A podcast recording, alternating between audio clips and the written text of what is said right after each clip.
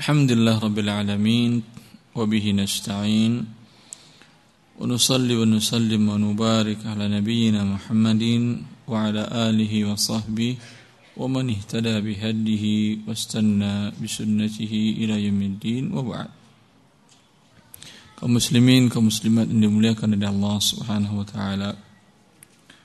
Tema yang akan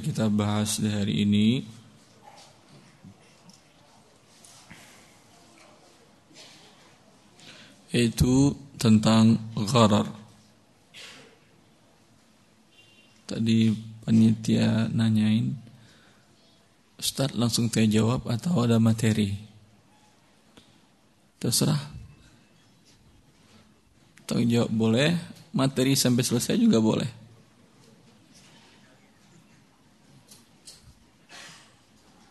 Gimana baiknya? Materi saja. Dikit. Yang dikit yang jawabnya atau materinya? Oh, materi. Materinya dikit. Sedikit. Sedikit kayak garam gitu ya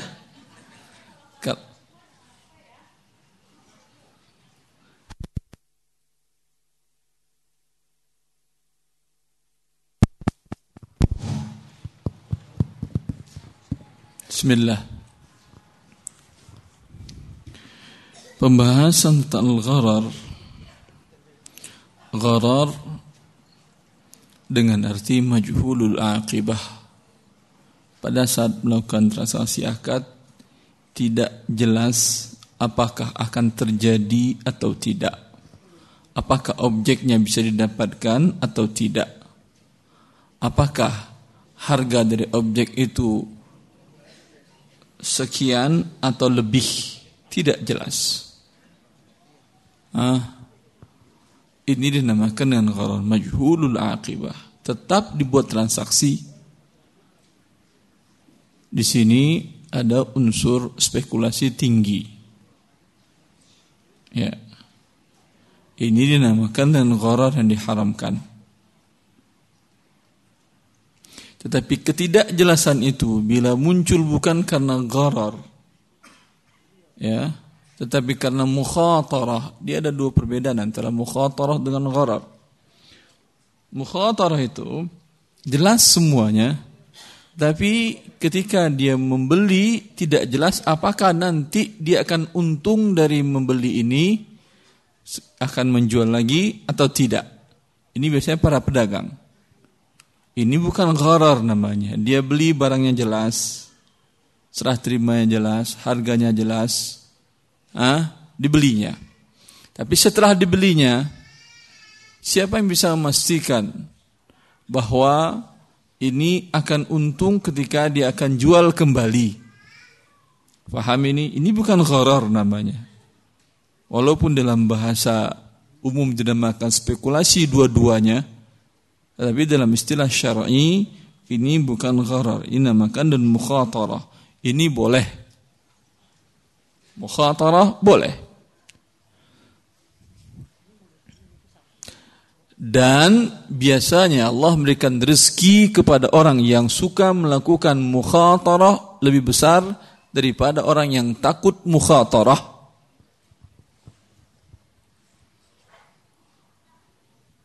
Orang yang berani berspekulasi yang halal saya maksud bukan yang gharar, kalau gharar tadi judi. Hari ini dia mengeluarkan modal umpamanya satu miliar untuk sebuah proyek, pembuatan sebuah proyek atau membeli sebuah barang. Besok harga proyek setelah selesai atau harga barang dalam waktu waktu yang singkat dan pendek bisa naik menjadi 5 miliar. Sering terjadi ini? Sering, alhamdulillah. Beli tanah tanpa ada apa? Apa nama? Tanpa ada perencanaan bahwa kemungkinan ini tanpa ada perkiraan akan naik tinggi, ternyata qadar Allah. Harga naik tinggi, tahu-tahu di sana ada jalan tol, ada ini, ada segala macam, naik tinggi. Ada yang sebaliknya, perkiraan sudah bagus, Hah? bahwa akan dibuat ini di sini, di sini, di sini segala macam, dibeli, ternyata tidak terjadi juga, terbenam modalnya, atau malah terjadi banjir yang terjadi, turun harga barangnya, setengah 50% sampai terkadang 70% harga barang tadi tanah tadi yang dibeli. Maka ketika dia membeli ini ada nggak unsur mukhot? Ini bukan gharar ya. Karena ketika membeli jelas ukuran tanahnya. Kalau gharar itu tidak jelas ukuran tanahnya. Hmm. Atau ketika dia menjual, dia tahu tanah ini ada sekitar 51 sertifikat dipegang oleh orang. Biasa kan tanah di Jakarta ada satu sertifikat? Biasa, nggak nyampe kali ya. Paling tiga sertifikat untuk satu tanah. Nah ketika dibeli dia kepada salah satu pemegang sertifikat, ini gharar atau tidak? Ghararnya tinggi. Mungkin bisa dia kuasai, dia terima tanahnya, yang sertifikatnya dia diterima ya. Mungkin juga tidak. Iya atau tidak? Dengan demikian, harga tanah yang dia beli ini murah atau mahal? Jawab. Pasti murah. Karena ada tiga sertifikat. Salah satu pemegang biasanya per meternya sekitar 11 juta. Tapi karena ada tiga sertifikat kata dia sesepertiganya saya jual per meter. 3 juta. Anda sebagai pembeli muslim yang baik, tentu Anda bukan lihat unsur sertifikatnya. Anda katakan sertifikat Anda ini umpamanya, Anda tahu bahwa orang ini tinggal di tanah itu, dia generasi sebelumnya bapak ibunya, generasi sebelumnya kakeknya, bapak Anda cerita dulu bahwa kakeknya udah tinggal di situ dulu. Hmm? Tapi karena satu dan lain hal kan biasa di Jakarta, masalah sertifikat itu gampang dibuatkan. Yakin Anda dia pemilik tanah. Tetapi dia tidak mampu menyerahkan kepada Anda karena sekarang ada dua orang yang mendakwakan itu juga tanah milik nenek moyang mereka. Bagaimana ceritanya? Yang penting sertifikat di tangan dia juga. Biasa kan terjadi itu? Biasanya pemegang sertifikat yang Anda beli ini, yang Anda yakin dia milik dia, kalau Anda yakin bahwa bukan milik dia, bahwa ada yang sebelumnya dan Anda tahu bahwa bapak kakeknya dulu di sana itu hanya numpang menggarap, tahu Anda sejarahnya dari bapak Anda. Hah? Tetap Anda beli kepada dia dengan harga sepertiga, haram Anda walaupun bisa Anda kuasai dengan satu dan lain hal. Paham? Ini gharar ini namanya. Sehingga harga murah berharap nanti bisa menguasai dapat harga tinggi. Tapi mukhatarah bukan begitu. Mukhatarah halal. Ya. Baik. Dan subhanallah gharar ini dijelaskan oleh Allah Azza wa Jal di dalam Al-Quran dengan nama Maisir. إنما الخمر والميسر والأنصاب والأزلام رجس من أعمال الشيطان فاجتنبوه لعلكم تفلحون. إنما يريد الشيطان أن يوقع بينكم والعداوة والبغضاء في الخمر والميسر ويصدكم عن ذكر الله وعن الصلاة فهل أنتم منتهون؟ قال الله قال الله عز وجل Sesungguhnya khamar dan meisir judi. Judi bagian dari gharar bagian dari bentuk gharar Si A naruh uang satu juta. Si B naruh uang satu juta. Lalu mereka membuat kesepakatan. Kamu sekarang lagi ada liga apa? Iya Liga Champion. Champion itu apa tuh Champion? Champion itu yang itu, yang bubur itu. Oh itu kampiun. Oh, Hah? Ada liga apa? Dia bilang saya menjagokan klub ini. Kalau dia menang, kalau menang klub saya, uang sejuta kamu milik saya. Si B bilang, saya menjagokan klub ini. Sekarang mereka besok akan berlaga. Kalau dia menang, uang sejuta kamu milik saya. Jelas? Hah. Kesempatan hilang dan dapat uang berapa persen? 50 50. 50 50 dinamakan ini dengan judi karena mengandung unsur gharar mungkin dapat mungkin tidak kiaskan dengan MLM yang kesempatan dapatnya cuma 4% MLM ketika Anda beli produknya mereka mengiming-imingi Anda dengan apa? Bonus sekian 100 juta. Terus pada level sekian bonus naik 300 juta, level sekian bonus 700 juta, level sekian 1 miliar. Rumah mewah, mobil mewah, perjalanan keliling dunia. Jalan kaki. Hah? Masya Allah. Subhanallah. Bayar awal cuma 3 juta.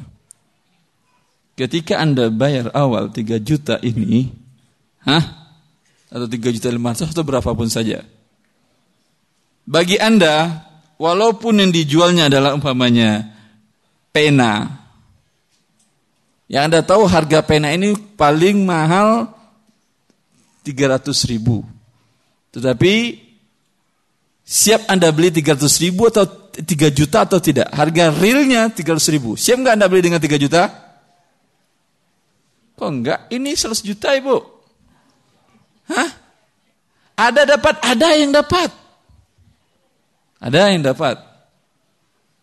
Hah? Pasti ada yang dapat. Untuk membohongi yang lainnya. Kalau nggak ada sama sekali yang dapat, kebohongannya semua orang tahu bohong. Ada dapat. Lalu si fulan yang dapat itu ceritalah dia. Dia dapat semuanya, oh saya dulu begini minus sekarang, ah saya dapat rumah satu miliar. Saya dapat jalan kaki ke mana-mana, kata dia. Subhanallah. Dari 100 orang diberikannya tiga atau empat. Berarti kalau Anda ikut dengan selisih harga real dan uang yang Anda bayar, harga real umpamanya 30 ribu untuk pena tadi. Atau starter kitnya 30 ribu. Harga realnya. Tetapi dijualnya dengan 3 juta. Berapa selisihnya? 2 juta 700. Hah? Berarti 2 juta 700 ini mungkin Anda dapat 1 miliar dengan kesempatan cuman berapa persen? Dia kasih cuman empat orang dalam seratus. Berapa persen berarti cuman? Empat persen per seratus. Kalau judi tadi, yang semua kita sepakat haram, lima puluh lima puluh, judi atau tidak tadi? Sekarang empat per sembilan puluh enam, judi atau tidak? Bukan judi lagi, penggilaan. Artinya orang ikut ini betul-betul bodoh dan gila. Yang tadi 50-50 masih pintar. Ya atau tidak? Oh kalau gitu kita mending judi 50-50 daripada ini. Ya nggak ada yang mending dalam neraka Allah Azza wa Jal.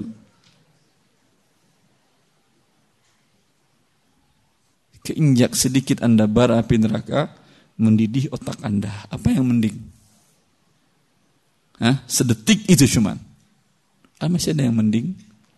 Dua-duanya tinggalkan, itu maksud saya. Cuma saya menggambarkan bahwa judi yang satu ini lebih buruk daripada judi yang sudah dipahami oleh masyarakat umum sebagai judi.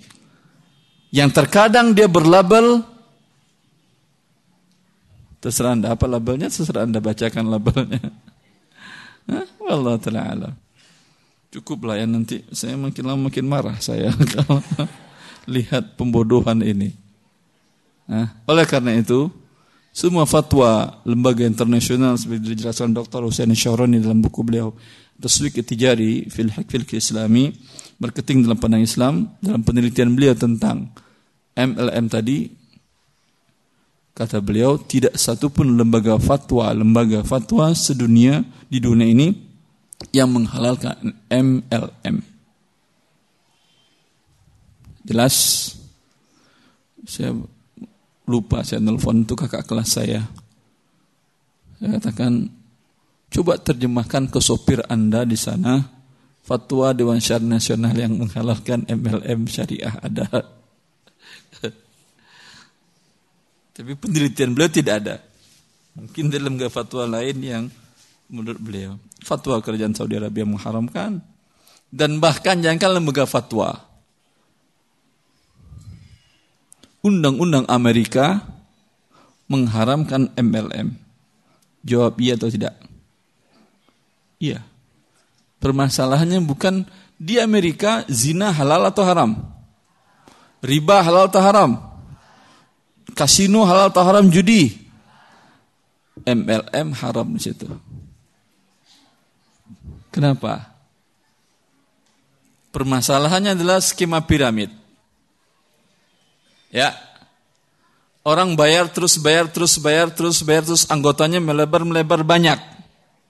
Ketika makin panjang ke bawah ini stuck tidak berasa mereka lagi beli bonus seperti yang tadi. Kan yang melihat itu satu yang dapat yang bonus tadi satu per seratus. Kalau dia berikan tiap hari diberikan empat per seratus tadi, seminggu tutup punya mereka lagi. Ya atau tidak? Ketika tutup, dia akan panjang begini. Siapa yang dirugikan? Bawah yang paling panjang jumlahnya besar.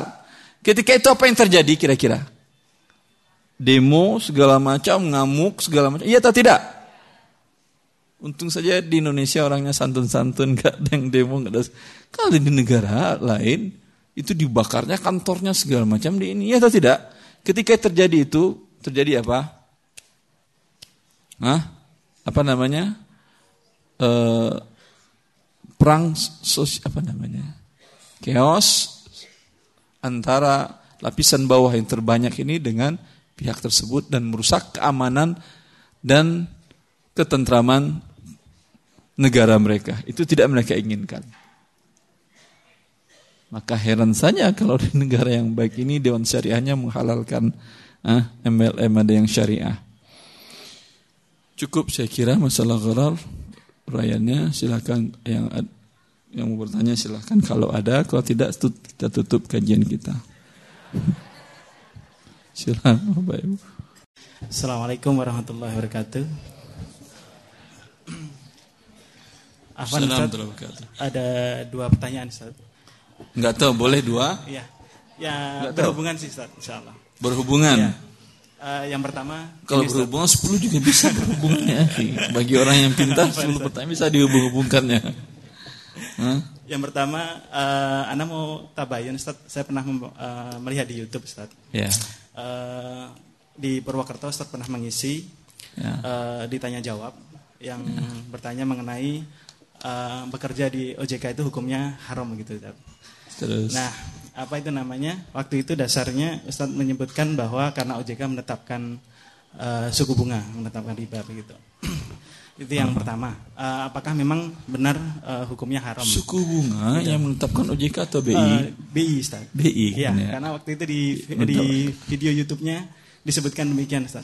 OJK ya, saya ya. sebutkan. Ya, Allah Allah. Gitu dulu saya nggak tahu. Ya. Allah taala ya. alam. Atau waktu saya sakit kali saya di Purwokerto itu perasaan oh, saya ya. lagi sakit. Oh ya.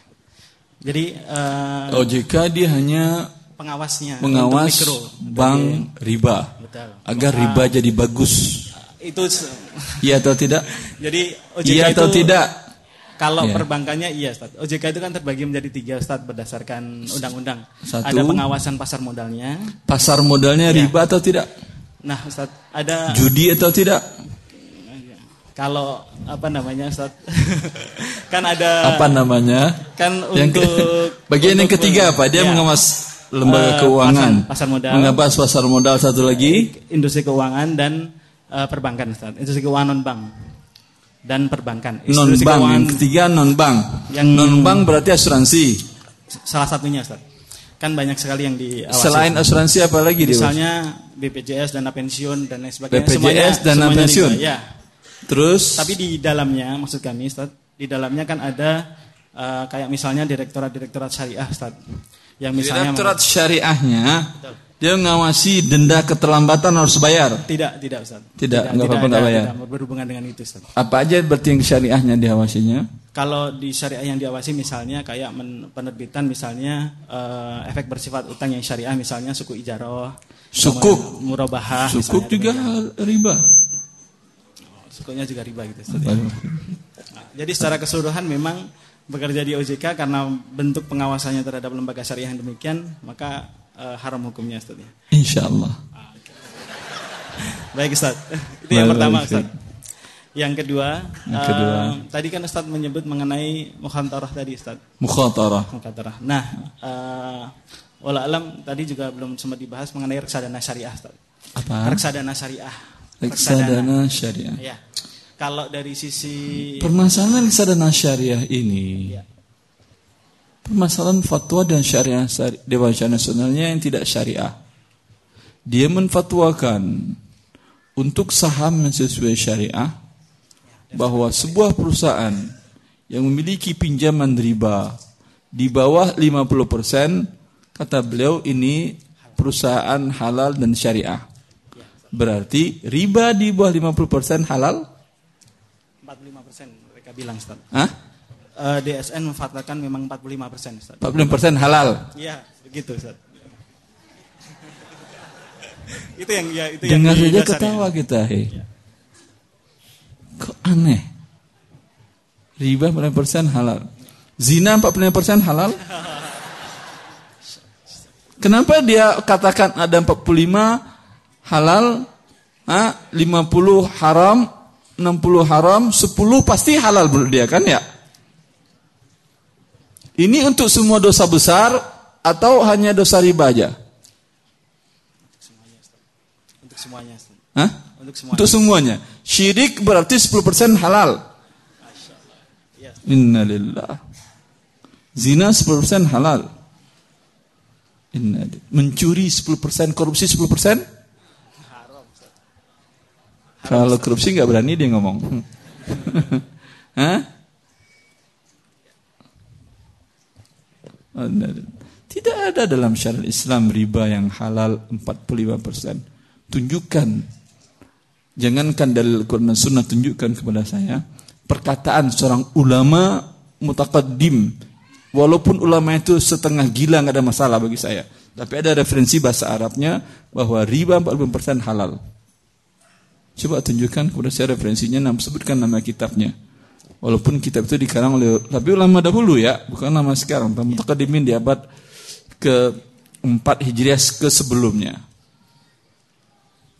Kalau Anda sebutkan ulama dan syariah nasional, ya iya. Sekarang berarti standar halalnya benar atau salah? Tidak benar. Salah.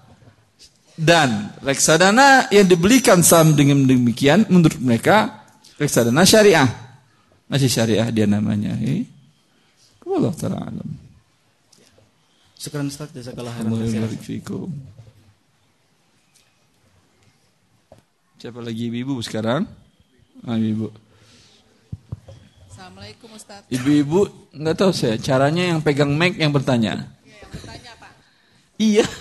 Tapi setelah itu siapa yang mau pegang mic diantar panitia yang ngantarin? Ah, teh. Eh, Ustaz mau tanya ini. eh, Kurang ada jelas ibu. suami, ada suami eh, dapat pensiun dari Dan suami dapat pensiun. bank konvensional. Suami bekerja di riba. Eh, eh. Nah, Kemudian sekarang dia ada pensiun, dapat pensiunan dari bank riba pensiun, itu juga. Dari bank itu juga. Mm-mm. Terus eh, istrinya kan eh, pengusaha kontraktor gitu. Jadi Istrinya uang, kontraktor, masya Allah. Hah. eh, uang pensiun hasil suaminya itu digabung dengan istrinya untuk usaha properti. Eh, setelah eh, sekian tahun terjual eh, tiga tahun terjual rumah itu, Terjual rumah itu mana? nah, terjual terjual be- bekerja sama tadi Ustaz. Ah Yang ditanyakan, sekarang dia baru tahu kalau misalnya eh, apa dia tidak boleh menghasil apa eh, pensiunnya itu dipakai gitu Ustaz. Jadi dia mau menggantikan hasilnya itu bagaimana Ustaz caranya?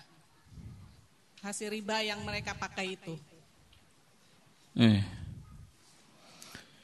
فمن جاءه موعظة من ربه فانتهى فله ما سلف وأمره إلى الله ومن عاد فأولئك أصحاب النار هم فيها خالدون Allah siapa yang datang kepada dia peringatan bahwa Allah mengharamkan riba hendaklah dia berhenti sekarang uang dari riba tadi hentikan Hah? keluarkan yang dapat dari pensiunan riba tadi berapa persen dari keseluruhan modal Kalau dari riba itu uh, dia kasih 100% semua dari hasil. Pertanyaan saya, dari keseluruhan modal berapa persen yang dari uang pensiunan riba? Dari Ibu, ini pertanyaan titipan atau Ibu pertanyaan langsung? Titipan dari adik saya, Pak. Eh. Gitu. Jadi tanyakan kepada adik berapa persen yang 50 50 Ustaz, 50 persen 50 persen. 50 persen, 50 persen. Iya. Kalau fatwa dan syariat nasional halal ini. Kalau fatwa syariah tidak halal ini. Hah? Suruh ada ibu tanya ke Dewan Syariah aja. Beda apa jawaban halal dari mereka. Kalau secara syar'i yang 50% dari riba tadi dikeluarkan. Dikeluarkan berapa persen dikeluarkan? Seluruhnya kecuali untuk memenuhi kebutuhan pokoknya. Dan bukan itu pensiunan saja. Tabungan dari gaji yang didapatkan dari uang riba dahulu semuanya juga dikeluarkan. Ketika dia selesai tadi dan tahu bertobat hari ini hitung semua aset dia yang didapatkan dulu dari hasil ribanya. Rumah dari riba atau tidak? Iya jadi riba. Nggak tahu saya. Makanya sebaiknya bertanya langsung Kemungkinan dari hasil istrinya. Tidak ada hubungan dengan gaji suami. Kalau dari riba umpamanya rumah dari riba, ada berapa rumah? Kalau ada dua rumah, satu rumah mesti buat dia kebutuhan pokok. Yang satu rumah halal. Satu lagi dia jual, uangnya diberikan kepada fakir miskin. Jelas? Untuk sisa tabungan dan pensiunan dan seluruhnya uang yang dapat dari gaji riba tadi, Perkirakan kebutuhan dia dan tanggung jawab orang dalam nafkahnya dia setahun berapa? Umpamanya kebutuhannya sebulan dia dan anak-anak dan istrinya sekitar 5 juta kali 12 berarti sekitar 60. Tabungan dan pensiunan dan segala macamnya dapat sekitar 500 juta. Yang halal bagi dia 60, yang 440 lagi berikan kepada fakir miskin. Silakan daftar yang. Kalau misalnya mau dicicil gitu Ustadz boleh nggak? Cicil pengeluarannya, uh, uh, berarti hasil. belum berhenti dari riba. Oh, Kan Allah bilang tadi, siapa yang datang kepada dia peringatan riba, lalu dia berhenti. Yang telah berlalu Allah maafkan dosa-dosa yang telah termakan, sudah termakan itu itu dimaafkan Allah. Tapi yang sekarang masih ada berbentuk aset rumah, tanah, tabungan, itu bukan telah berlalu masih ada dia. Tapi yang sudah terpakai, yang termakan, dimaafkan oleh Allah. Hmm? Tetapi waman ada siapa yang kembali. Kembali berarti makan uang ribanya lagi. Allah janjikan untuk dia neraka. Sehari dia neraka tidak. Setahun tidak. Sejuta tahun tidak. Selama-lamanya. Jelas Ibu? Tapi yang kebutuhan pokok tadi halal. Di atas itu tidak. Yang 60 juta insya Allah halal. Sisanya hitung semua asetnya. Begitu juga kendaraannya. Dia saat pensiun masih butuh nggak kendaraan roda 4. Kalau cukup hidup dengan roda 2, cukup. Kalau roda 4 yang umpamanya pun mewah, jual. Beli yang kebutuhan menutupi kebutuhan pokoknya. Terus.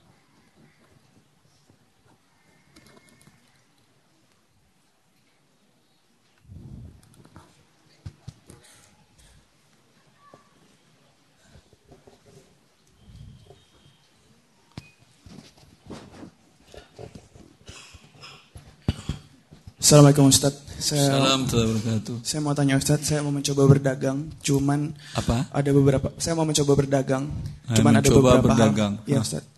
Sekarang saya karyawan di salah satu perusahaan otomotif yang kalau menjual mobilnya itu juga ditawarkan untuk menjual kelebihan garansi.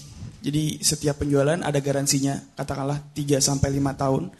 Cuman di biasanya ditawarkan apakah mau menambah garansi. Jadi misalkan bayar tambah 3 juta atau 4 juta lagi, bisa tambah garansi jadi tadinya cuma 3 tahun jadi 5 tahun atau 6 tahun gitu Ustaz.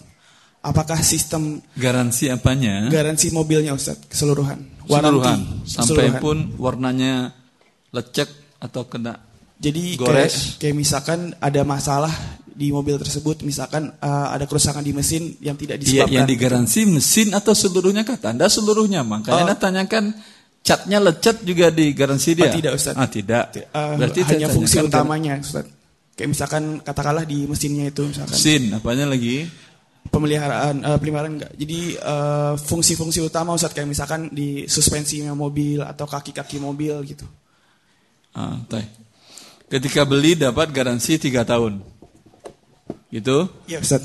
Kalau ingin 5 tahun tambah lagi uang. Iya Ustaz. Ya. Garansi 3 tahun yang pertama ini mengandung horor atau tidak? Harga mobil umpamanya 300 juta Anda beli. Ya, 300 juta. Kalau ternyata setelah satu tahun kaki-kaki mesin rusak bisa harga 50 juta perbaikannya dan penggantian seluruhnya. Hah? Iya. Berarti sekarang harganya naik menjadi 350. 50 juta Ustaz. Pada tahun ketiga mesinnya rusak sama sekali tidak bisa dipakai dan harganya 100 juta. Ustaz. Berapa harga mobil pada tahun ketiga? 450 juta Ustaz. 450 juta. Berarti harganya berapa? 300, 350 atau 450? Di akhir harusnya 450 Kalau juta, tidak Ustaz. rusak harganya 300 juta Ustaz. 300. Kalau rusak harganya 400. Gharar atau tidak? Ustaz. Kalau ketika rusak Anda untung dia rugi. Kalau ketika tidak rusak dia untung Anda kok enggak rugi? Tidak rugi karena masuk dalam include dalam harga mobil. Ini boleh karena ghararnya mengikut kepada harga mobil. Yughtafaru fit tabi'i ma la yughtafaru fil matsbu'. Sesuatu yang mengikut dimaafkan walaupun mengandung unsur judi dan riba. Contoh, setiap Anda beli tiket pesawat, ada asuransi jasara harja? Berapa Ada. persen dari harga tiket? Berapa persen? 11 persen atau 9 persen? Hah? Saya pernah disebutkan oleh pihak asuransi. Sekitar 9, anggap 9 persen. Harga tiket umpamanya Anda beli, Anda dan keluarga semuanya ke Surabaya. Seharga 1 juta. Berarti 90 ribu adalah asuransi jasa harja. Hah? Kalau pesawat jatuh, kaki Anda sekeluarga patah, dapat penggantian per orang 100 juta. Hah? Dapat dari 10 tadi, 10 tiket tadi, 1 miliar. Untung atau rugi?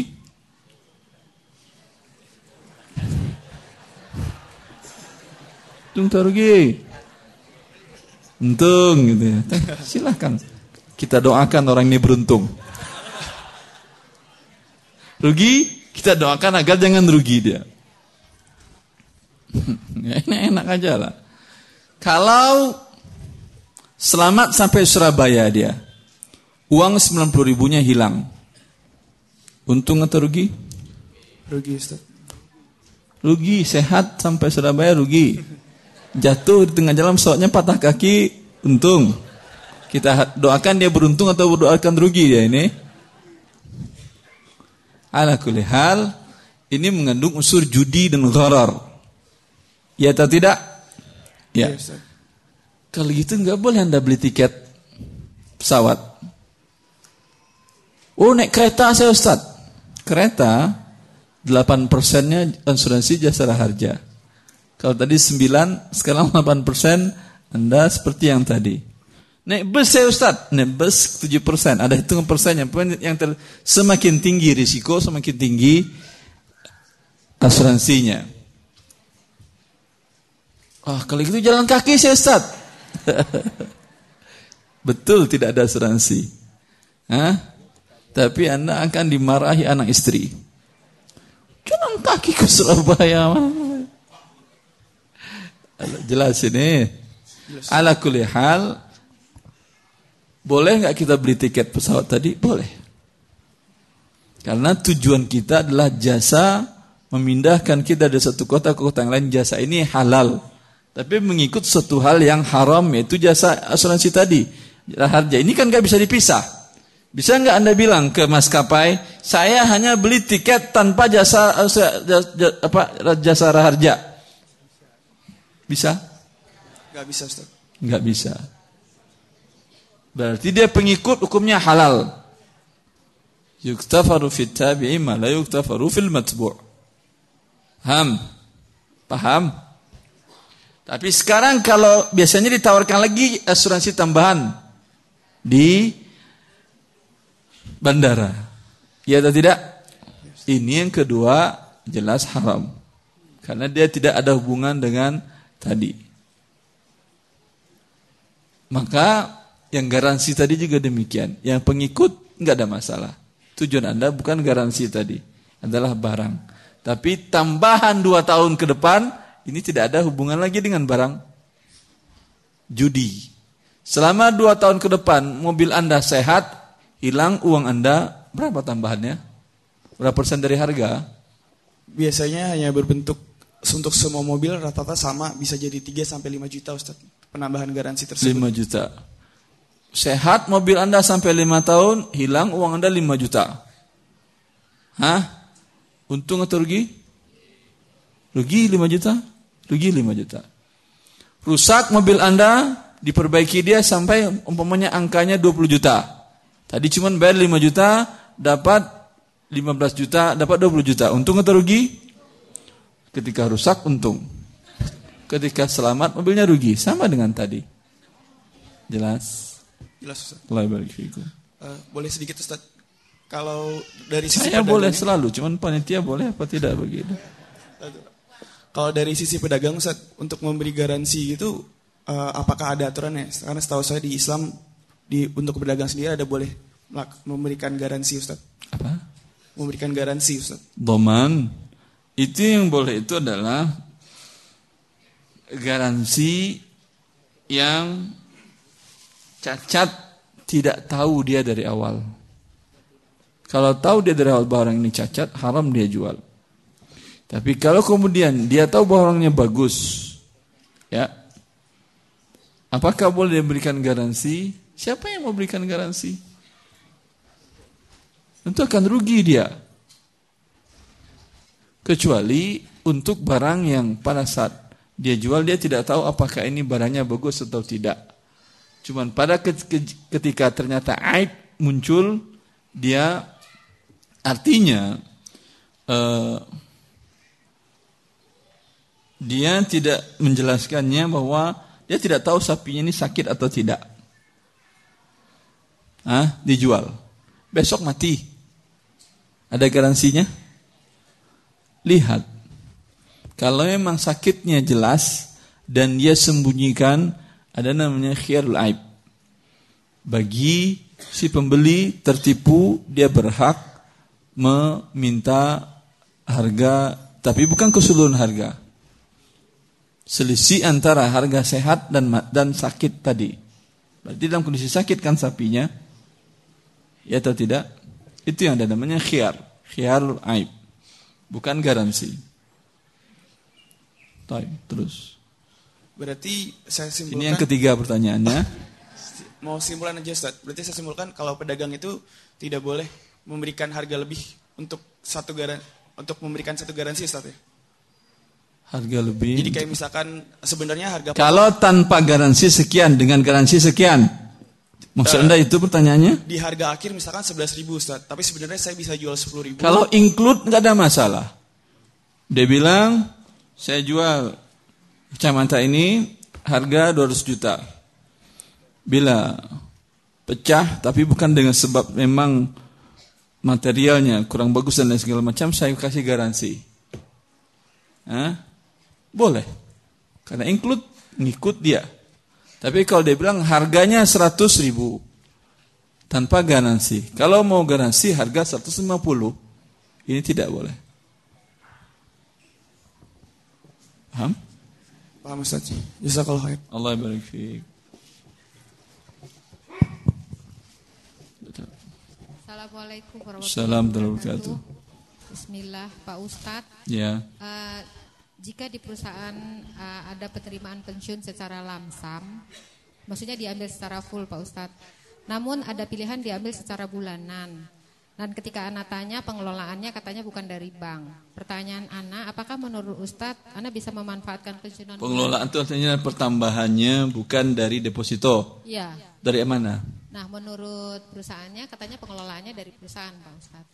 Dikelola oleh perusahaan dalam usaha yang halal. Iya, karena kita Kalau rugi perusahaan mengganti. Eh, Namanya mengelola bisa untung bisa rugi kan? Enggak, tapi tetap tetap Pak Ustadz. Tetap itu apa? Maksudnya tetap dengan kesepakatan perhitungannya. Sebentar. Dana pensiunan ada umpamanya satu miliar. Iya, Diikutkan oleh perusahaan dikelola sendiri. iya. Terusnya Ana mau ambil eh, 50 Sebentar dulu. Ya. Di satu miliar tadi itu ada dana ibu umpamanya 5 juta dan dana lain-lain sekian sekian sekian. Hah? Diputar dikembangkan oleh perusahaan. Ya. Tahun depan menjadi 2 miliar. Uang ibu yang 5 juta menjadi 10 juta. Begitu? Begitu atau bukan? Kalau menurut Ana enggak sih Pak Ustadz, cuman saya tadinya kan menerima lamsam, tapi dibolehkan untuk Ana menerimanya 50% eh, Lansam full. itu apa lansam itu? Secara keseluruhan, Pak, full. Full. Nih Jadi ambil kalau misalnya uang anak punya- pensiunan semuanya. Ya. Terus ibu nggak ngambil. Ya, cuman ada tawaran kalau Ibu ngambil atau tidak seluruhnya? Eh, justru enggak ada tawaran lagi. Atau orang lagi jangan diambil suruhannya ambil Iya. nyicil aja. Ah, Ambil misalnya 50%, anak ambil full. Misalnya anak punya satu miliar misalnya. Hmm. Anak ambil 500 juta full. Ya. 500 jutanya anak ambil bulanan. Ambil bulanan. Sampai anak meninggal misalnya Pak Ustadz. Jadi Ya itu tentu kalau meninggal gimana cara ngambil lagi teh. Terus Nah, pertanyaan anak apakah boleh anak mempan- nggak yang sisa 500 juta tadi dikembangkannya atau tidak? Saya nggak mendengar ada dikembangkan. Tidak ada pengembangan, tapi ada pertambahan atau tidak? dikelolanya cuman dia ada perhitungan Pak Ustadz. Jadi Apa? 500 perhitungan aja dari perusahaan. Bahwa misalnya 500 juta itu ibu harus neri- 6 juta setiap bulan nerima. Riba, riba.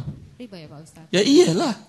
Dia ibu nggak tahu dikelola atau tidak, tapi ada pertambahan. Dari mana pertambahannya? Ah, jelas ya Pak Ustadz. Riba. Kemudian ibu siam nggak berkurang? Enggak. Enggak. Iya jadi riba makanya. Enggak tahu juga berkurang apa enggak. Riba ya. Iya riba betul. Ya, Cukup riba.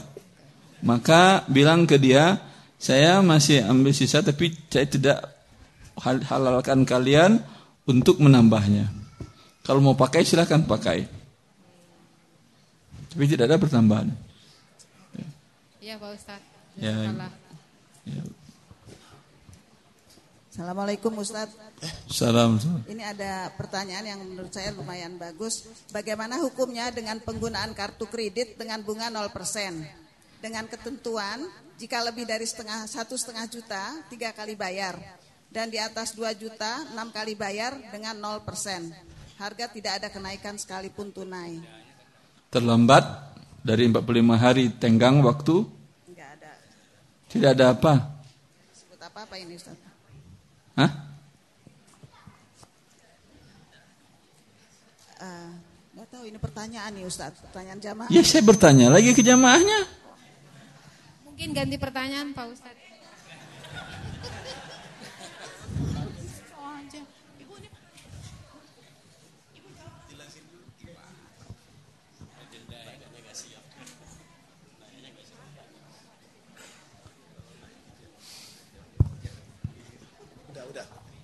Maaf Ustadz, kalau tidak Maaf kalau tidak e, berusaha untuk tidak ada keterlambatan supaya tidak ada Pertanyaan dendam. saya belum terjawab. Jawab dulu baru boleh Ibu berkata lagi. Kalau ada kayaknya kalau telat kayaknya ada. Ah, riba.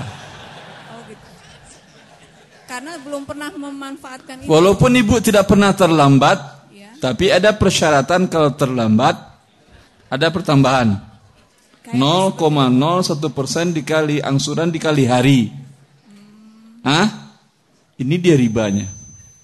Minta ke dia coret klausul yang itu. Tapi kalau tidak terlambat, misal. Ibu tidak terlambat, tapi setuju nggak ibu persyaratan tadi? Kalau tidak tersetuju, kalau tidak ibu setuju nggak muncul tuh kartu.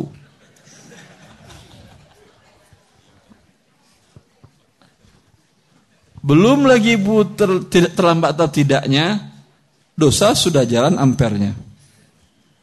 Belum digunakan pun sudah jalan amper dosanya. Allah mengharamkan riba, Anda setuju riba sebagai persyaratan dalam akad Anda. Ya. Jangan dengarkan ustaz yang tidak ngerti muamalat. Banyak ustaz yang ngomong, saya tahu banyak ustaz yang ngomong. Ustaz sunnah juga, ustaz salaf juga. Ya, salaf akidah. Kalau muamalat belum ngerti dia. Belum sampai derajat ustad dia. Kalau dalam masalah muamalah. Asal tidak terlambat. Silahkan mau kartu kredit. Ya. Mau leasing silahkan. Asal tidak terlambat. Berarti kalau gitu juga asal tidak terlambat silahkan nabung di bank riba asal tidak terima bunganya, ah, silakan minjam ke bank riba, tidak terlambat pembayaran, ah, kan nggak terjadi. Kemudian jangan ambil bunga ribanya. Ya. Ini kalau mahasiswa saya ini saya kasih nilai nol dia. Banyak ustaz-ustaz sunnah yang menjadi mahasiswa S2 saya. Saya ngajar program S3, S2 di UMS pengantar bahasa Arab juga mengajar program S2 Ekonomi Islam dan mengajar S3 program Ekonomi Islam. Jelas? Ada beberapa ustaz sunnah juga yang mahasiswa saya.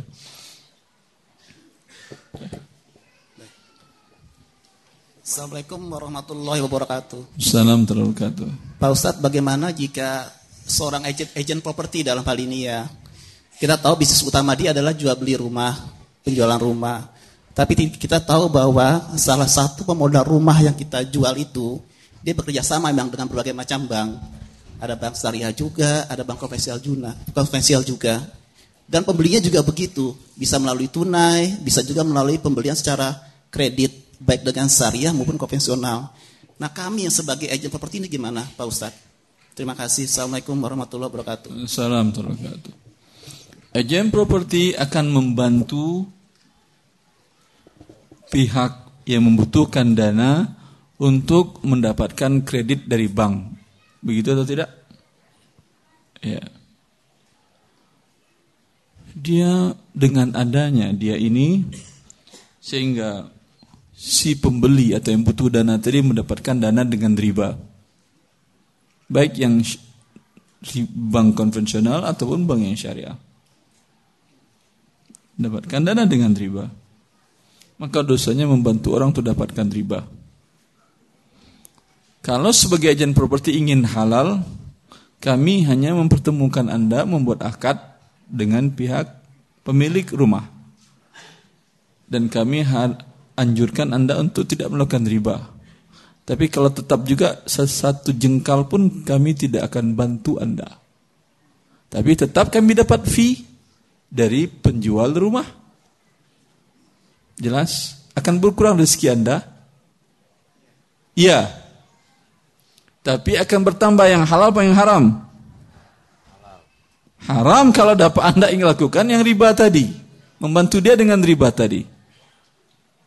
Nah, sekarang yang memberi rezeki Allah atau syaitan? Allah. Apakah ketika kita taat kepada Allah Allah akan mengurangi rezeki kita? Terlalu buruk sangka kita dengan Allah. Ketika jangankan Allah, manusia, teman, anak, atasan, ketika bawahan taat dan tunduk kepada dia dan disiplin, apakah akan dikurangi gajinya? Ketika durhaka dinaikin gajinya. Eh? Ini atasan gila ini. Jadi kalau atasan yang waras, sebaliknya yang dilakukan. Itu untuk manusia. Apalagi kepada Allah nggak mungkin kita akan mengatakan kata-kata tadi. Paham? Bersabar anda yang akhi. Ada teman jamaah dari salah satu daerah di Jakarta, dia bertanya, dia ingin beli rumah, ruko, seharga 2 miliar. Lalu diajukan pembiayaan ke bank syariah.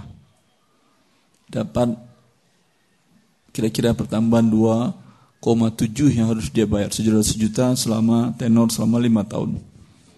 Tetapi bank syariah tadi terlalu lama ngeproof menyetujui pembiayaannya. Dia nelfon ke saya, bisa dibantu nggak Ustaz?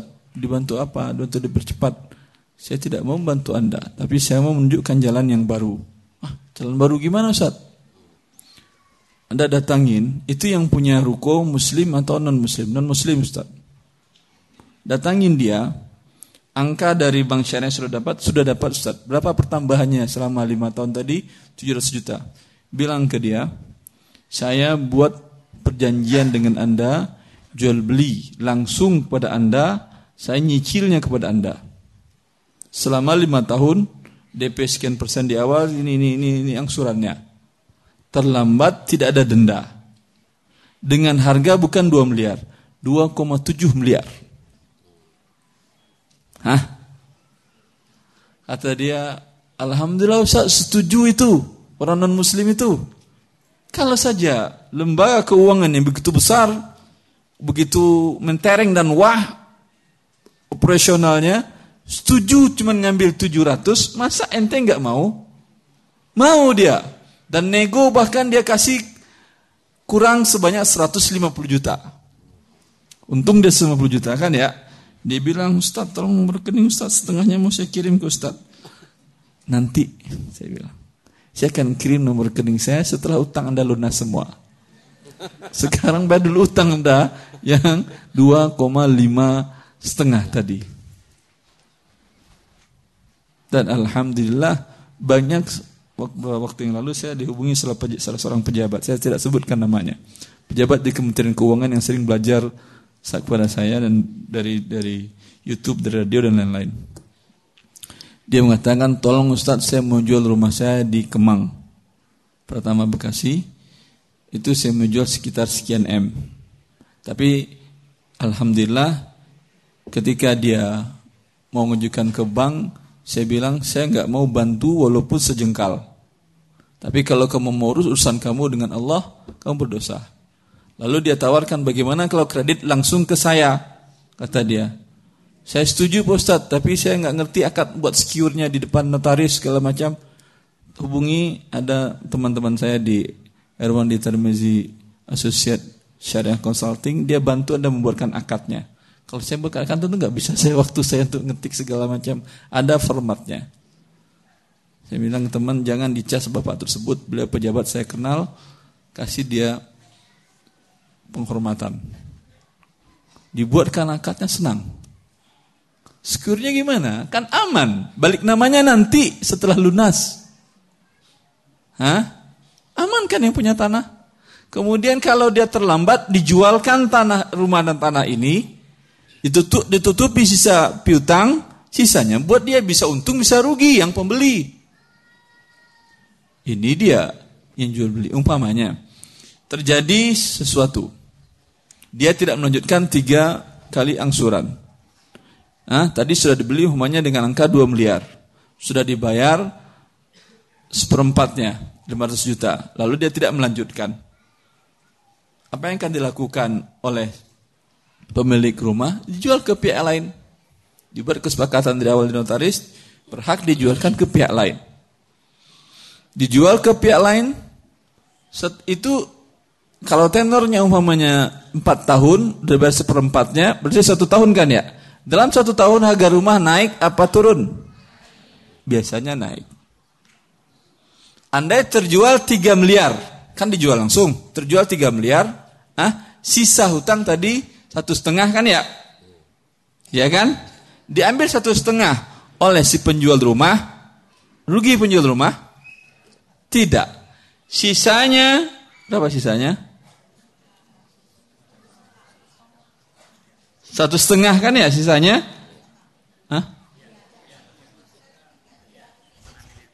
Satu setengah diambil oleh si pemilik rumahnya sudah bayar setengah tadi. Rugi dia? Tidak. Malah untung kan ya? Untung dia. Jelas? Oh begitu Ustaz. Iya begitu. Yang non muslim aja mau dia. Apalagi kita yang muslim. Dan sekarang ada beberapa mahasiswa-mahasiswa yang belajar ke saya, teman-teman di beberapa komunitas bisnis yang mereka buat sekarang untuk properti langsung penjualannya. Hah? Langsung penjualannya. Lebih menguntungkan bagi dia dan aman dan lebih membantu kaum muslimin mendapatkan rumah dengan murah karena mereka enggak membayar ke bank. Bank ambil pasti mahal. Tapi OJK mengeluarkan peraturan baru. Tidak boleh penjualan di atas 60 bulan. Iya kan? Melanggar undang-undang. Hak apa dia melarang sebetulnya? Enggak ada hak apa-apa, cuman agar menjaga anak kandungnya tidak terzalimi, tidak kurang pendapatannya. Ya atau tidak? Karena kalau itu yang dilakukan anak kandung dia ini mati. Orang buat langsung saja. Paham antum itu? Kan gampang, tinggal buat 59 bulan setengah. Ah,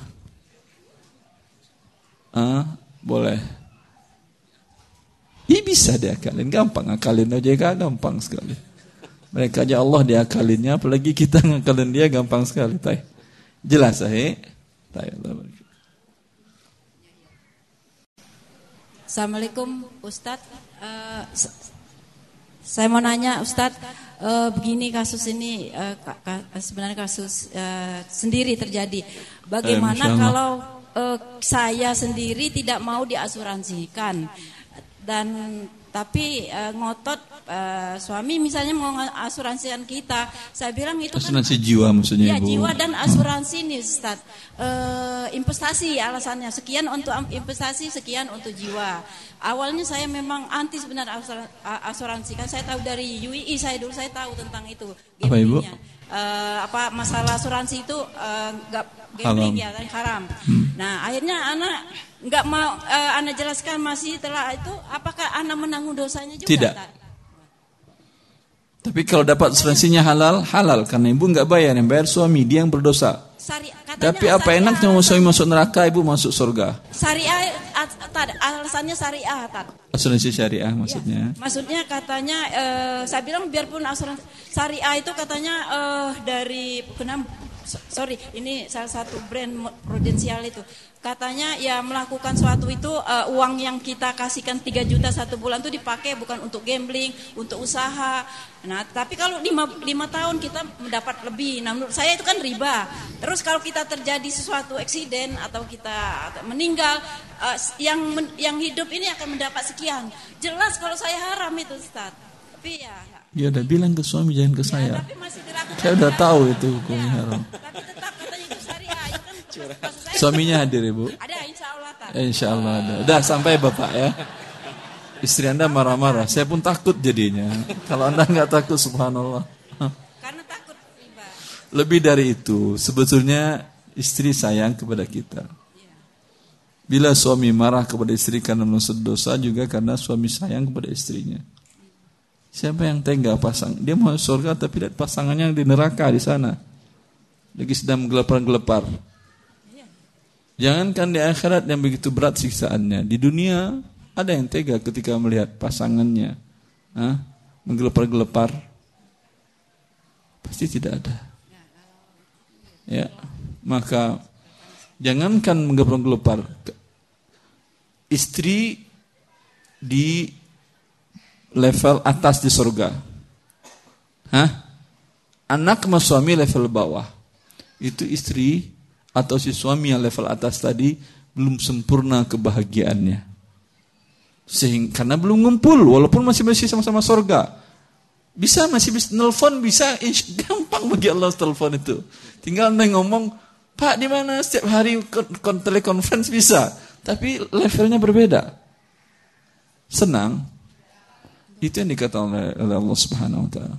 Walladzina amanu wattaba'athum dzurriyyatuhum biimanin alhaqna bihim dzurriyyatahum wama anatnahum min amalihim min syai' kullum bima kasaba kata Allah. Orang-orang yang beriman dan diikutkan keimanan tersebut oleh anak dan keturunannya. Kami naikkan level yang di bawah kepada yang di atas bila yang di atas suami dinaikkan oleh Allah anak dan istrinya ke atas. Tidak akan berkurang sedikit pun posisi yang di atas, bukan yang di atas turun, bukan. Begitu baiknya Allah. Harusnya kita kan nego ke Allah.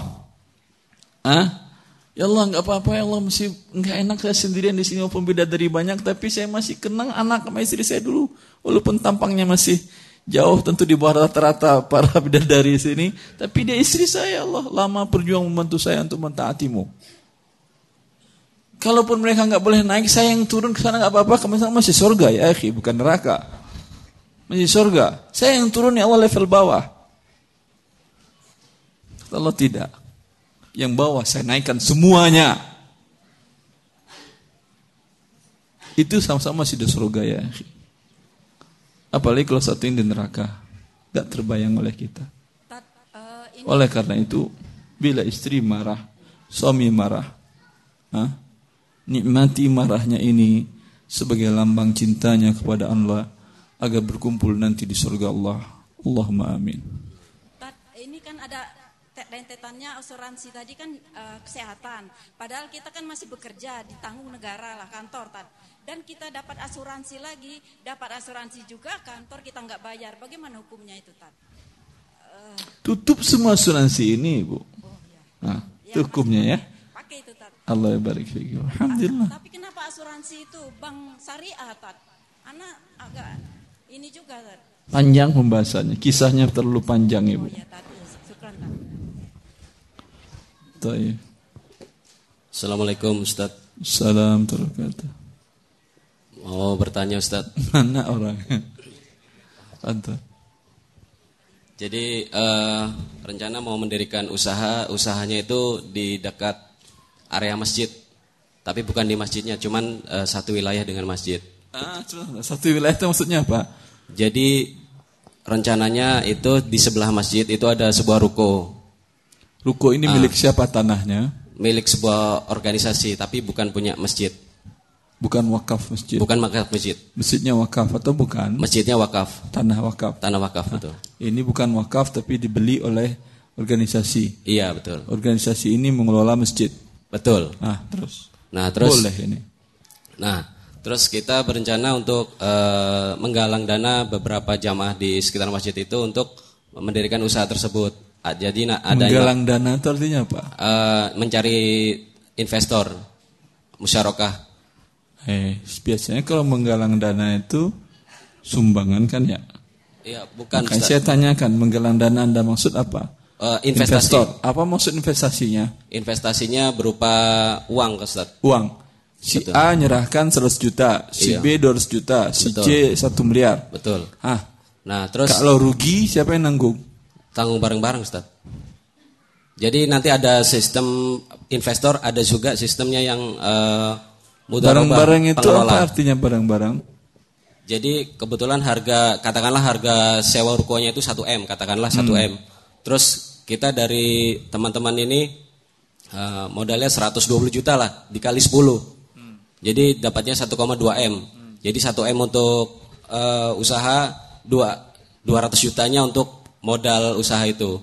Ya. Nah, keuntungan dibagi berdasarkan berdasarkan persentase. Persentase apa?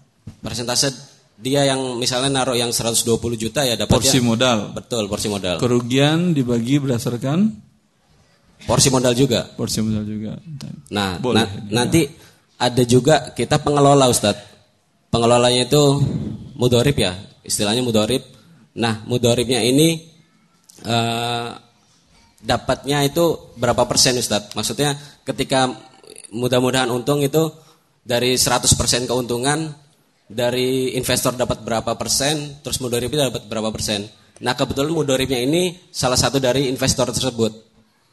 Jadi ada investor yang memang, oh iya dah saya sekaligus. Kalau mudaribnya dari investor ditambahkan persentase keuntungannya. Tidak boleh dengan gaji. Di luar gaji. Tidak boleh dengan gaji. Cuman karena dia mengelola umpamanya saham dia 20%. Harusnya keuntungan 20% kan ya? Iya. Tapi karena dia mengelola keuntungan dia 40%. Yang 20% imbalan jasa mengelola. Yang lain berkurang keuntungannya berdasarkan por- proporsional. Kalau digaji ya harus dipisah akadnya dikeluarkan akad dibuat akad baru bahwa tidak ada hubungan dengan permodalan. Kalau tidak yang terjadi adalah riba. Bagaimana kisah riba ini? Kisah yang terjadi adalah kalau dia dapat gaji, digaji dia umpamanya sebulan berapa? 5 juta. Rencana ada empat pengelola Ustadz. Jadi ada koordinator, ada fasilitator Enggak, sama ada yang admin. punya modal tadi ikut ngelola semuanya ikut atau ngelola, ikut ngelola. Semuanya. Enggak juga, maksudnya ada timnya juga. Nah, timnya ini juga termasuk investor juga. Iya, saya sebentar dulu. Andai satu saja yang mengelola, yang lain mungkin digaji oleh si pengelola tadi bukan dari dari investor. Andai, Hah? Berarti yang mengelola ini dapat gaji berapa biasanya? 5 juta lah. 5 juta kali setahun. Berapa berarti? 60 juta. Hah? 60 juta. 60 juta. Ternyata di akhir tahun rugi. Ya. 1,2 M tadi dihitung tinggal lagi 600 juta. Paham? Ah. Kerugian ini kalau dia digaji yang mengelola rugi atau tidak? Enggak. Rugi juga modalnya dia. Tapi dengan 60 ini tertutupi kerugiannya sehingga dia tidak rugi. Yang lain rugi dan tak tertutupi. Paham? Oh dia ada jasa Pak Ustadz. Iya, tetapi dia untung duluan. Padahal ini namanya apa namanya? Eh, interest apa namanya? Conflict of interest. Maka oleh karena itu, kalau memang dia hanya mau pengelola, ambil pengelola lain. Tapi kalau memang dia siap juga dan menurut kita dia terbaik di antara calon-calon pengelola, kita tempatkan sebagai pengelola, tapi tidak ada hubungan dengan permodalan. Artinya tidak bisa menekan, tidak bisa dia cabut segala macam. Dia sebagai karyawan kita bersama. Jangan tempatkan diri sebagai komisaris juga. Paham? Hmm. Itu yang dijelaskan di dalam perkataan para fuqaha bahwa menggabungkan antara akad upah dengan akad mudharabah hukumnya haram. Karena itu yang terjadi. Dia untung duluan, yang lain rugi. Maka bukan berbagi rugi dan untung di sini. Kalau untung betul berbagi, tetapi kalau rugi dia nggak rugi, kalian aja yang rugi. Oleh karena itu tidak dengan sistem gaji. Silakan dia mengelola, tapi dengan ditambahkan bagi hasilnya. Orang siap tidak ber, tidak ada bagi hasil, tetapi tidak ada yang siap modalnya berkurang. Iya atau tidak? Iya, betul. Tetapi ketika hasil dia naik, hasil lain berkurang, bagi yang kurang ada masalah. Hasil ya. Tapi ketika modal dia nggak berkurang, yang lain berkurang, bagaimana? Disumpahin sama orang. Jelas, jelas. Jelas.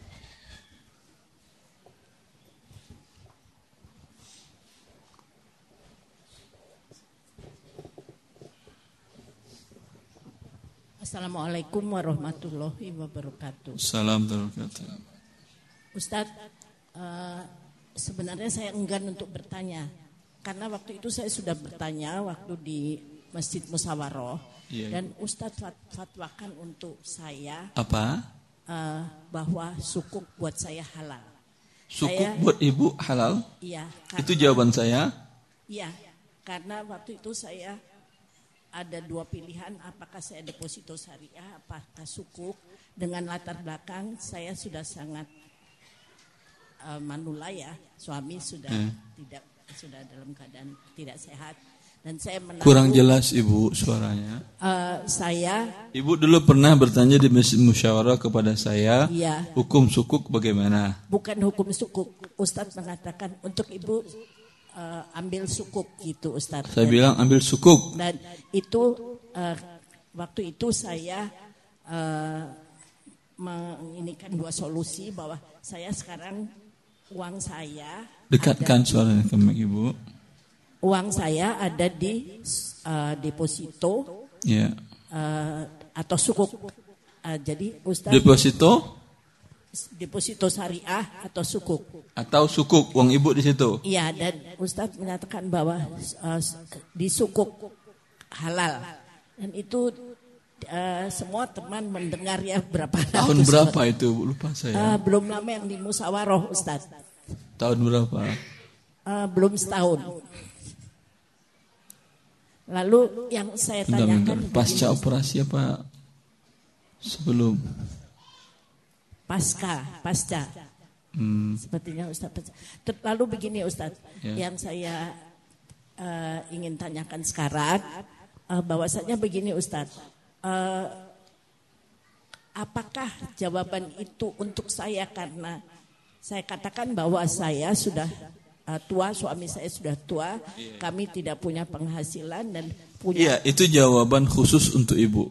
Ya uang sisa itu Karena saya, Allah taala saya lupa. dan, itu saya saya, lupa. katakan bahwa saya Pada dasarnya kalau menurut saya sukuk tidak halal. Iya. Tetapi Dewan Syariah Nasional menghalalkan ya produknya mereka, nggak mungkin nggak halal. Mereka menghalalkan deposito. Menurut saya juga tidak halal, Dewan Syariah juga tidak halal dan siapa pun tidak ada yang menghalalkan. Maka mungkin karena pertimbangan demikian, ibu pakai saja fatwa Dewan Syariah Nasional.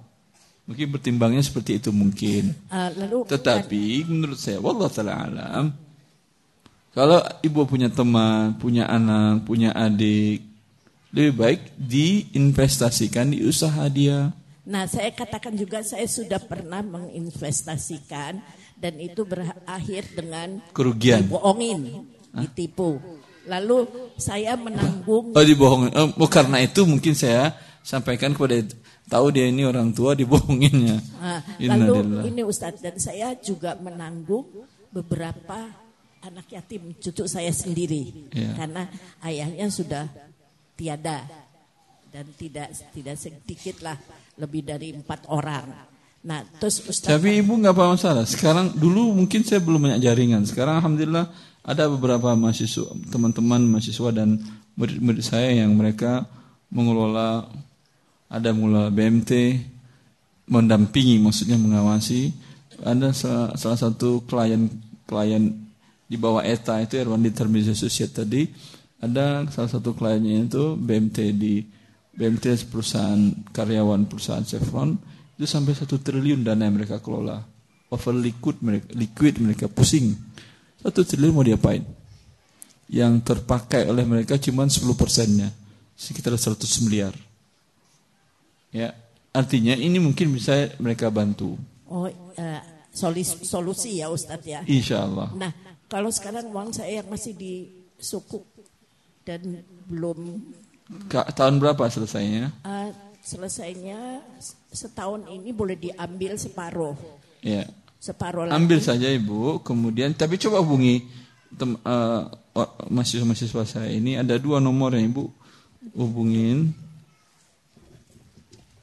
Sebentar Ustadz saya catat. sebentar ibu ya Eh, Mohon panitia dicatatkan.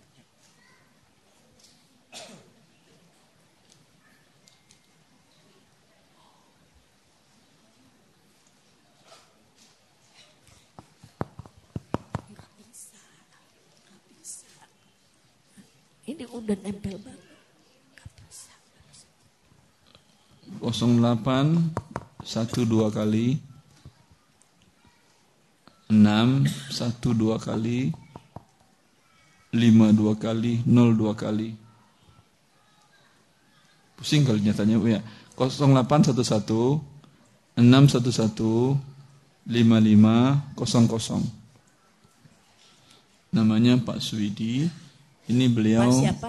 Pak Swidi ini beliau di Rut ETA Beliau direktur operasional ETA Erwan Determination Associates yang mengawasi dan mengelola lembaga BMT tadi. Mungkin bisa pernyataan tanyakan saja apa yang bisa produk mana yang bisa Ibu tempatkan dan Ibu mendapatkan yang halal. Satu lagi. Satu lagi.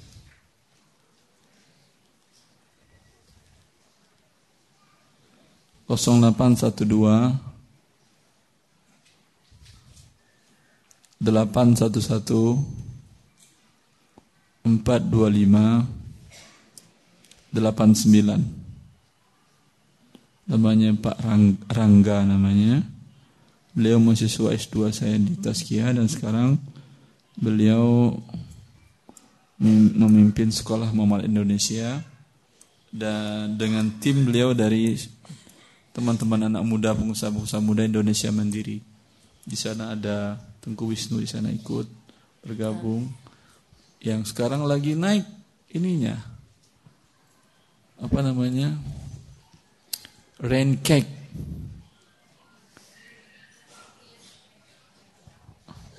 Oleh-oleh khas Bogor. Lagi naik daun. Rain cake. Ini ngantri Ustadz kata dia. Kalau untuk Ustadz saya ngasih nggak perlu usah ngantri. Orang belinya ngantri bisa berjam-jam. Dia dengan si Tengku Wisnu, kemudian juga di sana ada Langgu Milang. Dia ada komunitas ini anak-anak muda pengusaha-pengusaha yang ingin taubat dari riba.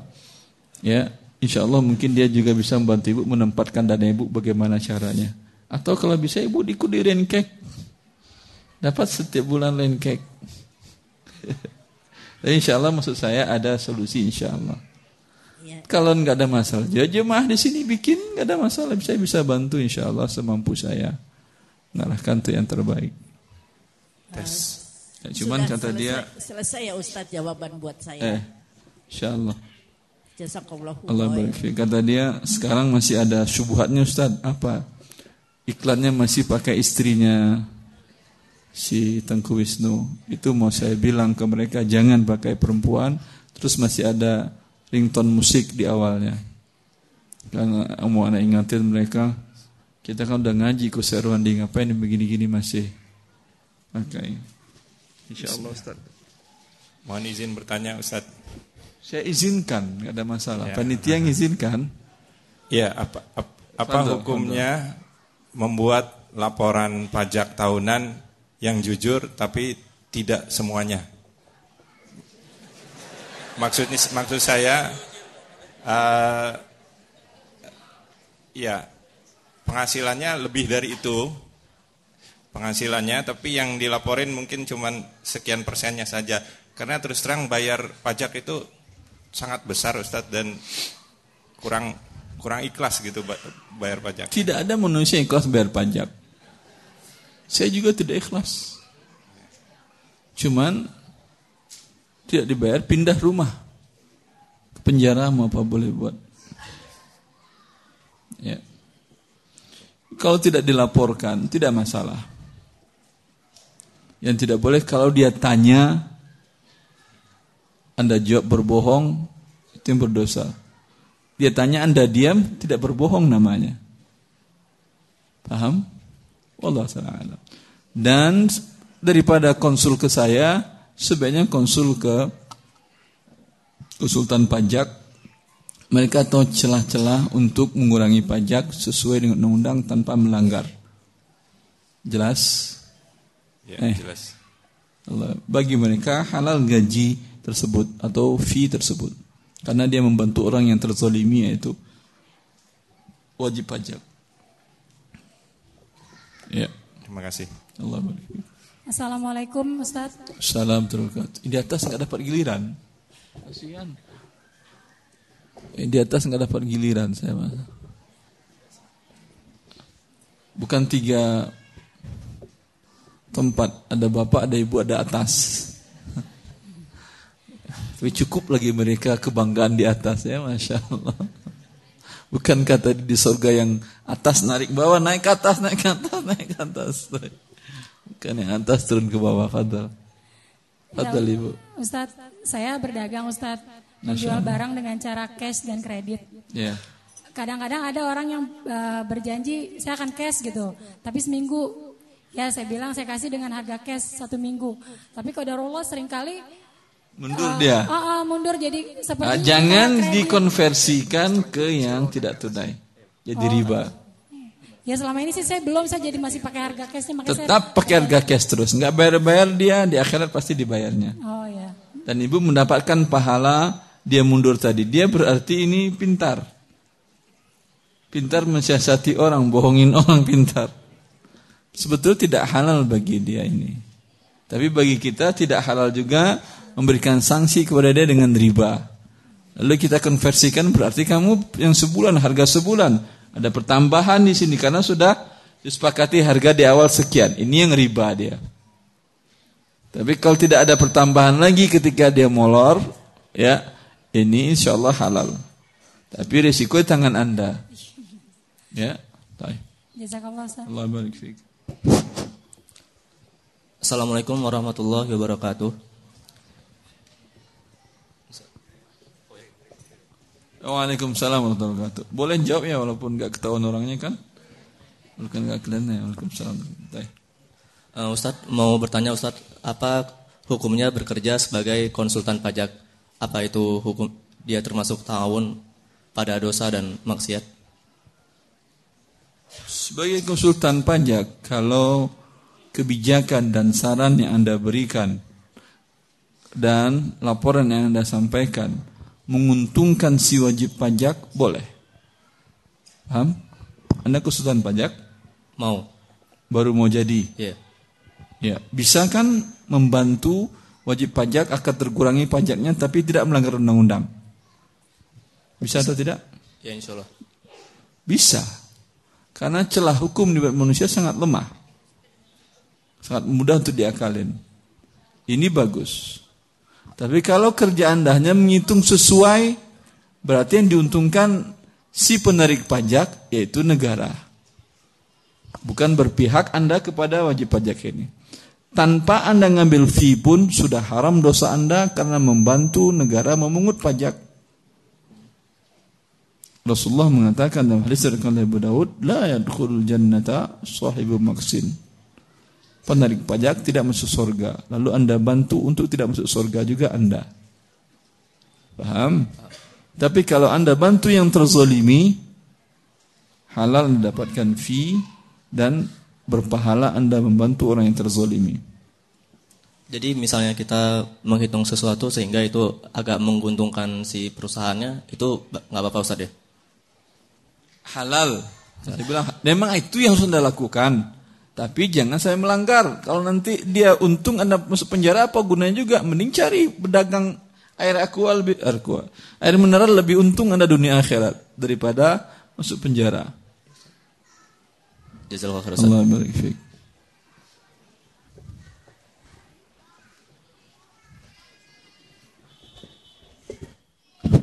Assalamualaikum warahmatullahi wabarakatuh.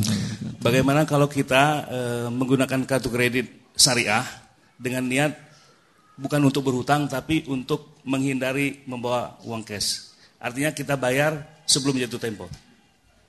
Eh, dalam persyaratan pembukaan rekening, pembukaan kartu kredit ini, ada nggak pernyataan klausul yang menyatakan terlambat dikenakan gharamatut takhir. Gharamatut takhir itu artinya gharama artinya denda, takhir terlambat, denda keterlambatan. Cuman pakai bahasa Arab. Ada itu? Eh, kebetulan tadinya saya menggunakan yang konvensional, tapi mungkin karena dianggap eh, pelanggan yang baik, diberikan yang syariah secara eh, langsung, tidak ada perjanjian, tidak ada Berarti perjanjian Anda dengan yang konvensional masih ada. masih ada tapi Belum sudah- dihapus. Sudah saya kurangi pemakaiannya sudah dikurangi. Iya, tapi masih ada. Masih ada. Ampere dosanya masih jalan berarti. Bertahap, bertahap dikurangi pindah ke syariah. Iya, ketika langsung pindah berarti klausul awal kan belum dicoret. Suatu saat kan bisa dia katakan kepada Anda, nih, Anda setuju denda keterlambatan atau kalau untuk takhir. Kan berarti konversi ke syariah cuman ganti istilahnya dengan Tapi ditutup bisa. Mereka nggak ada masalah. Yang komisional ditutup mereka nggak Tutup konvensional. Iya. Ketika buka syariah bilang ke dia ini saya nggak mau untuk takhir. masalah. Denda. Coret. Denda keterlambatan tadi coret. Dia mengatakan, oh ini untuk sosial, mau sosial, mau apa, coret. Kan untuk sosial, bukan untuk bank. Memang bank buka izinnya untuk sosial atau untuk keuntungan dia. Keuntungan dia. Lalu kenapa dia bilang untuk sosial? Karena kata mereka ini non halal. Bila non halal haram, Anda setuju haram, saya setuju haram, berdosa Anda dan saya itu tidak.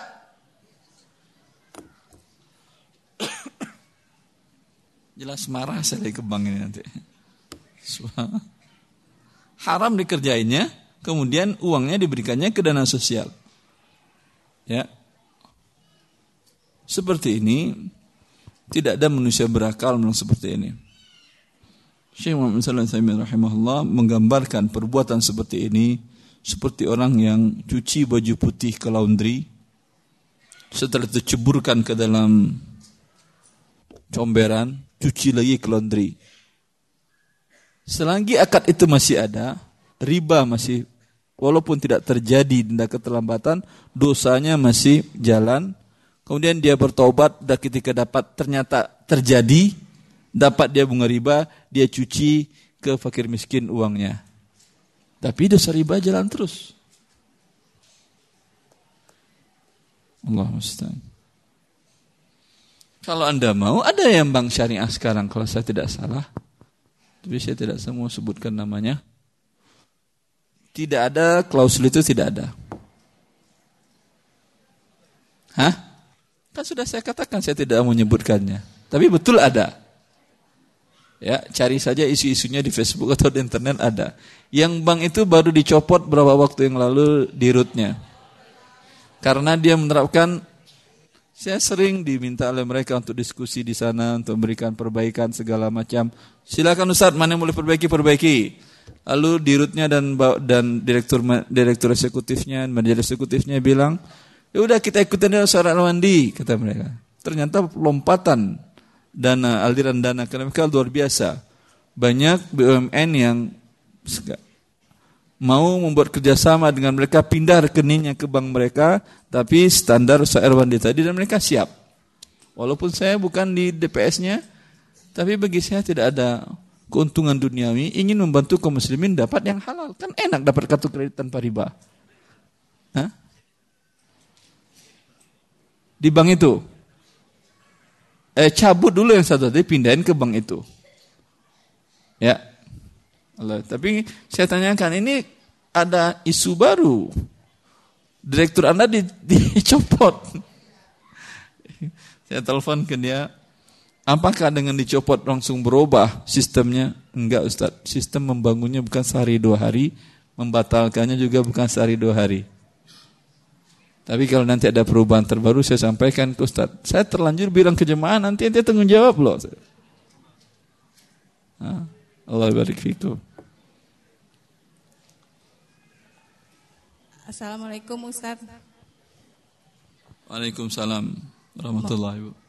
Mau tanya Ustadz, eh, yang tadi tentang ibu tadi itu belum terjawab sepenuhnya ya tentang yang Sukuk. asuransi, bukan Asuransi. asuransi syariah. Ah. Itu gimana hukumnya Ustadz? Makasih. Haram. Walaupun syariah. Kan saya bilang haram. Ibu mau hukum yang lain.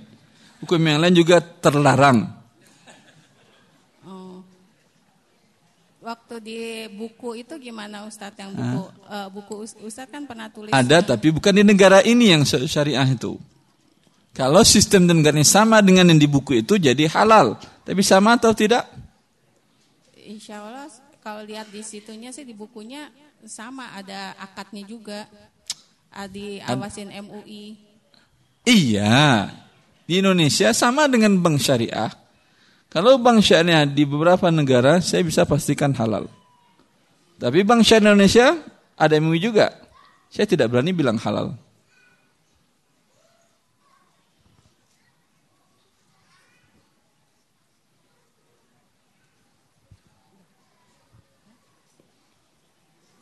Cukup ibu.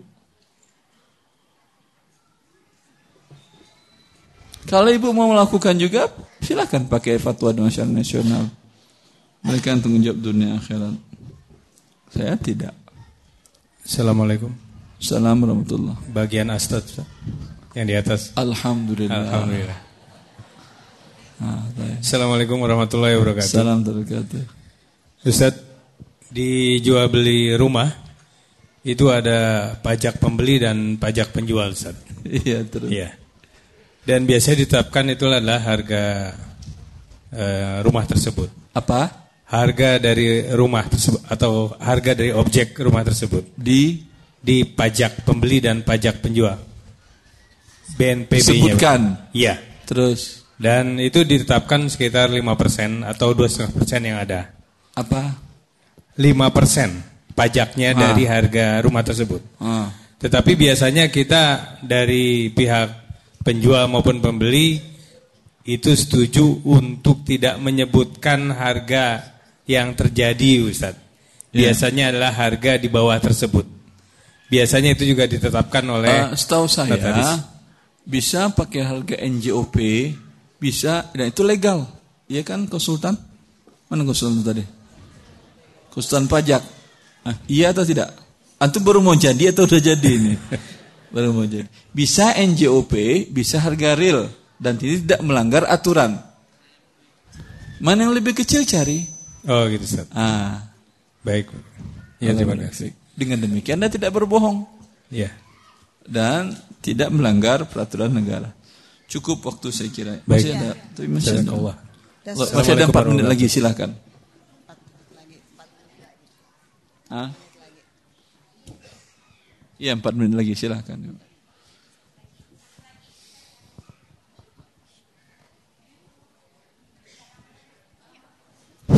Assalamualaikum. Assalamualaikum warahmatullahi wabarakatuh Ustaz. Sebentar Bapak, Ibu dulu satu, nanti Bapak satu. Silakan Ibu. Assalamualaikum Ustaz. Waalaikumsalam warahmatullahi. Ustaz MLM kan tadi bilangnya haram. MLM kan tadi bilangnya haram. Iya. Betul. Kalau kita- Sekarang juga iya dan Iya. besok juga insya Allah.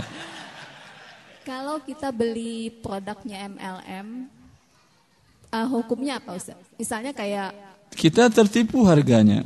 Kalau mau tertipu nggak ada masalah. Karena harga realnya jauh. Coba bandingkan produk MLM dengan produk yang dijual dengan dengan distribusi biasa. Kalau mau tertipu dalam pembelian harga nggak ada masalah. Orang beli mobil mewah harga satu miliar, kita beli mobil mewah 10 miliar karena bangga aja mahal. Kalau mutu dan segalanya sama. kalau nggak ada pilihan lain Ustaz, misalnya memang barang itu nggak bisa dibeli. Kan gak ada pilihan lain. Apakah barangnya penting? Kalau penting boleh berkorban untuk ditipu tuh boleh kalau penting. Boleh. Yang jelas dia penipuan. Tapi tidak, maksudnya tidak dosa ya Ustaz ya? Tidak dosa. Cuman bodoh aja. Cukup Ibu. Allah barik fiik. Silakan dan terakhir Bapak. Assalamualaikum warahmatullahi wabarakatuh. Waalaikumsalam warahmatullahi wabarakatuh. Saya ingin bertanya Ustaz. Alhamdulillah saat ini Allah takdirkan saya sebagai seorang TNI Ustaz. Masya Allah, tabarakallah. Saya ingin bertanya Ustaz karena ada Sa- perusahaan sekarang jabatan itu apa? Sersan, kolonel, mayor, atau jenderal? Tamtama. Oh masih masya Allah. Allah barik. Saya ingin bertanya Ustaz. Ada perusahaan yang menawarkan kredit rumah. Hmm. Persyaratan tidak ada DP karena ini perumahan khusus untuk TNI Polri. Masya Allah. ha. Kemudian saya tanya-tanya Tidak ada DP. Tidak ada DP. Tidak ada denda keterlambatan. Tidak ada. Artinya kalau nyicil terlambat angsuran tidak diterapkan pertambahan. Tidak ada. Alhamdulillah. Tidak ada juga angsuran. Ada Ustaz. Ini dari perusahaan langsung ke konsumen, Ya. ke umum juga bisa Ustaz. Ah, Jadi dari perusahaan nanti setelah ini rumah belum berdiri Ustaz. Ya. Rumah belum belum berdiri. Saya diwajibkan membayar satu juta Ustaz. Satu juta ini katanya untuk administrasi Ustaz. Hah. Tapi rumah belum dibangun. Pada saat rumah dibangun, pada saat terjadinya pembangunan rumah, apabila saya membatalkan secara tiba-tiba, uang hangus. Ya. Setelah rumah berdiri, saya bertempat di situ, barulah angsuran dimulai. Ya. Setelah jadi. Setelah jadi, barulah Ah, angsuran. setelah jadi serah terima langsung. Setelah terima, kunci Ah, rumah ditempatin, baru dibayar baru angsur. angsuran, masya Allah. Ah, terus? Untuk yang satu juta ini riba tidak Ustaz? Tidak. DP kan? Anda batalkan hilang memang DP hilang. Dan boleh untuk akad istisna DP. Ini akad pembuatan. Boleh. Terima kasih Ustaz. Allah barik fiik. Khair Ustaz. Ya. Misk. Bagus pertanyaan penutupnya. Semoga banyak kaum muslimin yang buat developer seperti tadi. Ya, memberikan cicilan dengan sangat mudah dan yang penting tidak ada riba. Karena bila ada riba tidak ada yang mudah di hadapan neraka Allah Azza wa Jalla. Semoga Allah selamatkan kita dari yang haram. Subhanakallah bihamdika. Assalamualaikum warahmatullahi wabarakatuh.